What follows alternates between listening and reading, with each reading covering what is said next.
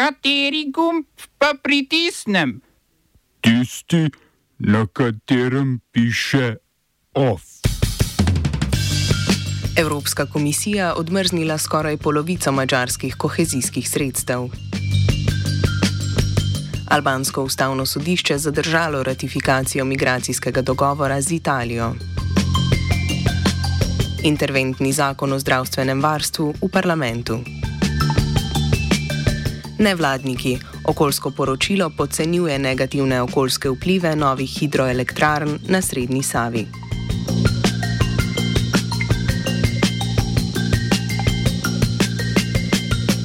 Sredi srečanja predstavnikov držav na Evropskem svetu je Evropska komisija Mačarski odmrznila dobrih 10 milijard evrov kohezijskih sredstev iz sklada za okrevanje in razvoj. Evropska komisija je naenkrat ugotovila, da je vlada Viktorja Orbana s pravosodno reformo izpolnila listino Evropske unije o temeljnih pravicah na področju neodvisnosti sodstva. Tako je skoraj polovico evropskih milijard odmrznila. Še zmeraj ostaja zamrznjenih skoraj 12 milijard evrov zaradi odprtih sporov komisije z Mačarsko o omejevanju akademske svobode, homofobne zakonodaje in kršenja evropske zakonodaje pri obravnavi prosilcev za azil na južni mačarski meji. Z odmrznitvijo 10 milijard evrov komisija Orbana skuša prepričati v podporo novemu finančnemu paketu za Ukrajino. Doslej je Mačarska 50 milijard evrov težek paket, ki je ključna točka tokratnega zasedanja predstavnikov držav članic, blokirala. Na zasedanju bodo odločali tudi o začetku pristopnih pogajanj Ukrajine, Moldavije ter Bosne in Hercegovine k Evropski uniji. Orban javno sicer ustraja, da se Mačari pritisku ne uklanjajo.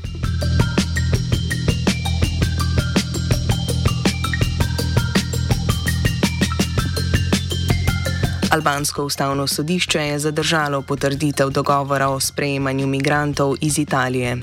O ratifikaciji dogovora, ki sta ga novembra podpisala italijanska premijejka Giorgia Meloni in njen albanski kolega Edi Rama, bi sicer v albanskem parlamentu glasovali danes. Ustavno sodišče je od albanske opozicije prejelo dve pobudi za presojo ustavnosti dogovora. Opozicija, zvesta nekdanjemu premijeju Saliju Beriši, v pobudah trdi, da je dogovor z Italijo več kot le preprost protokol med dvema vladama, saj se Albanija z njim odpoveduje lastni suverenosti nad ozemljem na severu države, na katerem bo Italija vzpostavila in upravljala dva migranska centra.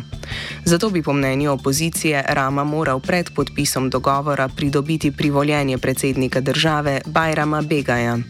Ustavno sodišče je pobudi vzelo v presojo in s tem zadržalo ratifikacijo dogovora, po katerem bi italijanske oblasti na albansko ozemlje preselile obravnavo prošen za azil. Dogovor je v očitnem nasprotju z mednarodnim pravom že zato, ker ljudem ne omogoča dostopa do azilnih postopkov v Italiji.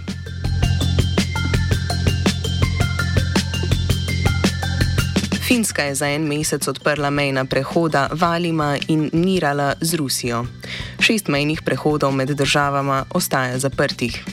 Desna finska vlada pod vodstvom Peterija Orpa, ki je oblast prevzela junija, je novembra popolnoma zaprla mejo z Rusijo. Ruskim oblastem je očitala načrtno pošiljanje migrantov proti Finski. Zdaj dva mejna prehoda vlada odpira z argumentom, da bo tako preverila, ali je prihodov migrantov na mejo že kaj manj.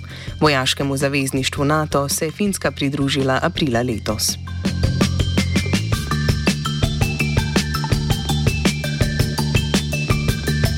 Japonski premijer Fumio Kishida je zamenjal tri ministre iz frakcije Liberalno-demokratske stranke, ki sledi idejam nekdanjega predsednika vlade Šinca Abeja notranjega kmetijskega in trgovinskega ministra ter generalnega sekretarja vlade kriminalisti preizkujejo zaradi očitkov o neprijavljenih sredstvih v višini 3,2 milijona evrov, ki jih je frakcija pri organizaciji lastnih dogodkov pridobila od prodaje vstopnic.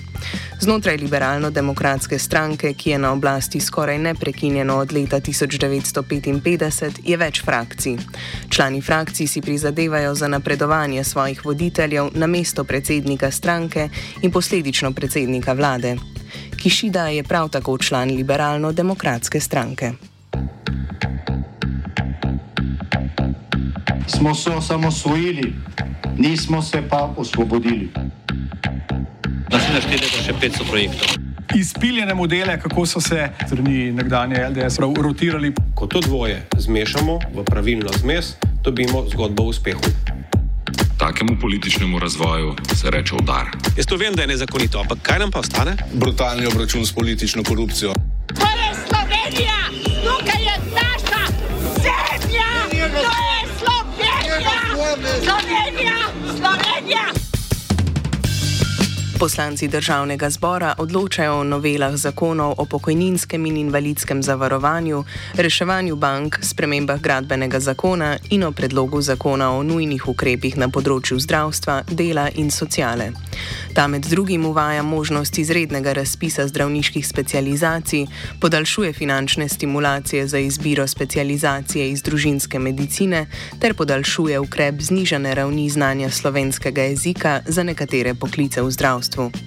Zakon omejuje najviše bolniško nadomestilo in podaljšuje obdobje, v katerem bolniško plačujejo delodajalci.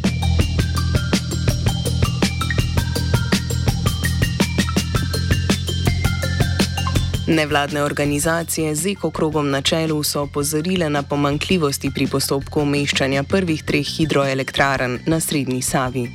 Okoljsko poročilo v postopku presoje vplivov hidroelektrarn po mnenju nevladnikov podcenjuje negativne vplive na naravo in okolje ter precenjuje pozitivne vplive na proizvodnjo elektrike in emisije oglikovega dioksida.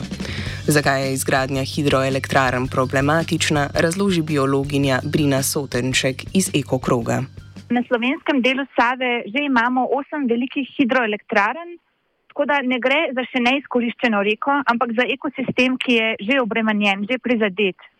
In izgradnja načrtovane nove verige hidroelektrarn na srednji Savi med Ljubljano in Suhadolom bi skupaj z že obstoječimi pomenila kar 17 zaporednih jezov od Mavčič do Brežic.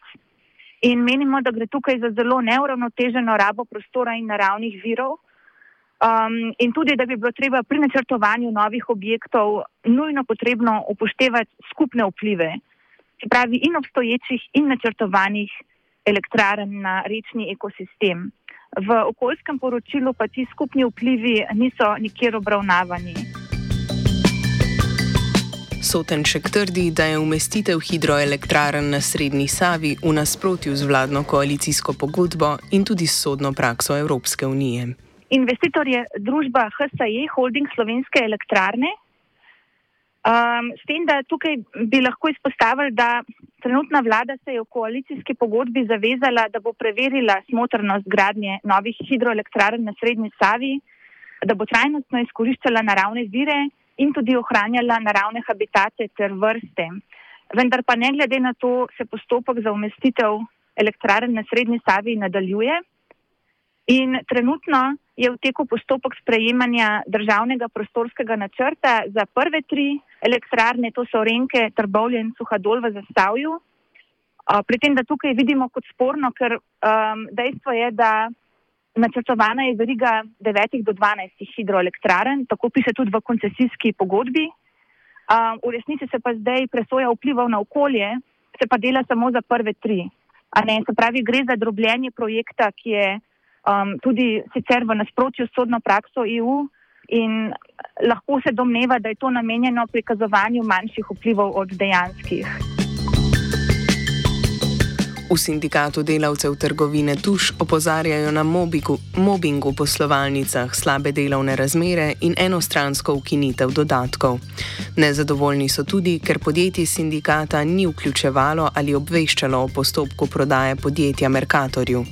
Več o zahtevah pove Mirjan, Mirjana Janič, predsednica sindikata Tuš. Prvo, podpis kolektivne pogodbe na podjetniški ravni. Tu zahtevamo, da se začnejo pogajanja za podjetniško kolektivno pogodbo, katero tudi smo posredovali že junija 2023. Uh, ob prodaji podjetja tudi zahtevamo ohranitev do sedaj dogovorjenih pravic za delavce, zahtevamo višjo plačo, zahtevamo več delavcev na izmeno, vsi vemo, da pač danes en delavec dela za tri. Um, zahtevamo tudi vrnitev vseh uh, vzdetih dodatkov, to pomeni izmeno vodjam, oddelkovodjam, mesnicam, um, logistiki. V pogodbi pač uh, tudi zahtevamo določitev um, konkretne poslovalnice za uh, in kaj upravljena dela. Ne?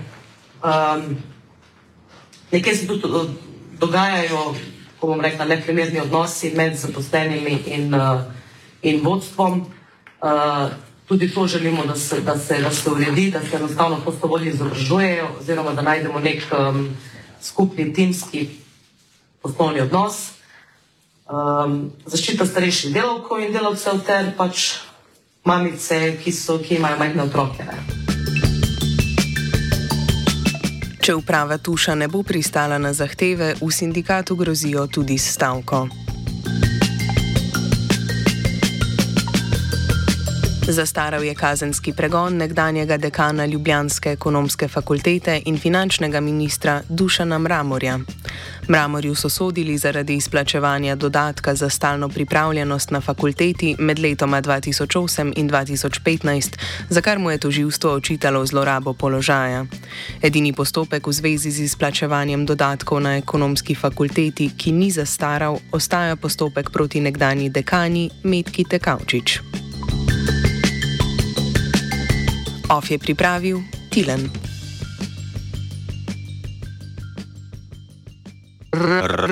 Radio študent.